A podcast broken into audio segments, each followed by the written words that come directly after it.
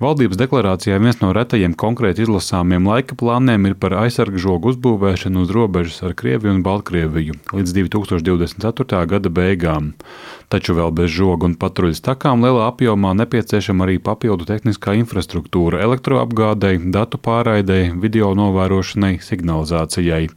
Lai šo aprīkojumu ieviestu pēc iespējas ātrāk, ar likuma izmaiņām plānots novērst dažādus birokrātiskus šķēršļus. To pātrināt, jo īpaši prasa izvērstais Baltkrievijas hibrīdkarš ar migrantu grupu virzīšanu uz valsts robežu. Plānotās likuma izmaiņas Saimas aizsardzības iekšlietu un korupcijas novēršanas komisijas sēdē raksturoja iekšlietu ministrijas valsts sekretāra vietniece Ingūna Aire. Likumprojekts paredz pienākumu saskaņot ar nekustamā īpašuma īpašnieku jauna energoapgādes objekta vai elektronisko sakaru tīkla un tā infrastruktūras nosacījums, aizstāt šo pienākumu saskaņot ar nekustamā īpašuma īpašnieka informēšanu. Ja ārējās robežas infrastruktūras Tā skaitā tehnoloģiskās infrastruktūras būvdarbu laikā būvniecības procesa dalībnieki vienojas par izmaiņām būvprojektā, Tad ir tiesības neapturēt būvdarbus uh, uz šo izmaiņu izstrādes periodu, bet uh, šis būvprojekta izmaiņu izstrāde un apstiprināšana ir jāpabeidz līdz būvis nodošanai eksploatācijā. Žoga būvniecībai tātad paredzēts vēl nākamais gads, taču papildu tehniskā aprīkojuma ieviešanai vajadzēs vairāk laika, norādīja Latvijas valsts radio un televīzijas centra pārstāvis Jānis Rešņa. Uz Krievijas ir plānots uh, izbūvēt šo te tehnoloģisko infrastruktūru līdz 26. gada vidum. Tad vienā laikā es pabeigt gan Baltkrievijā. Jā, 26. praktiski, jā.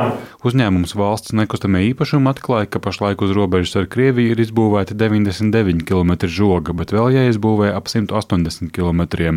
Ap 20 km žoga posmu izbūvē iesaistīsies arī Nacionālajie bruņotie spēki. To paredz likuma grozījumi.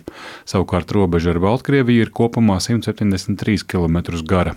Tur līdz šā gada beigām jāizbūvē vēl 22 km garš žoga posms, bet nākamgad pēdējie 30 km.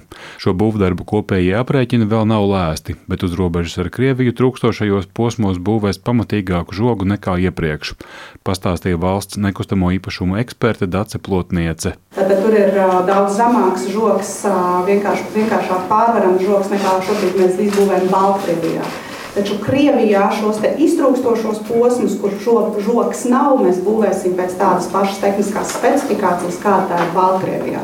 Tas ir cinkots krāsots tērauda žoks, kopējais augstums 3,5 metri, plus dzelveņas stieples vījums. Plānotās likuma izmaiņas iekšlietu ministrija lūdzu saimu skatīt pātrinātā kārtībā. Paredzams, ka novembrī tās jau stāsies spēkā.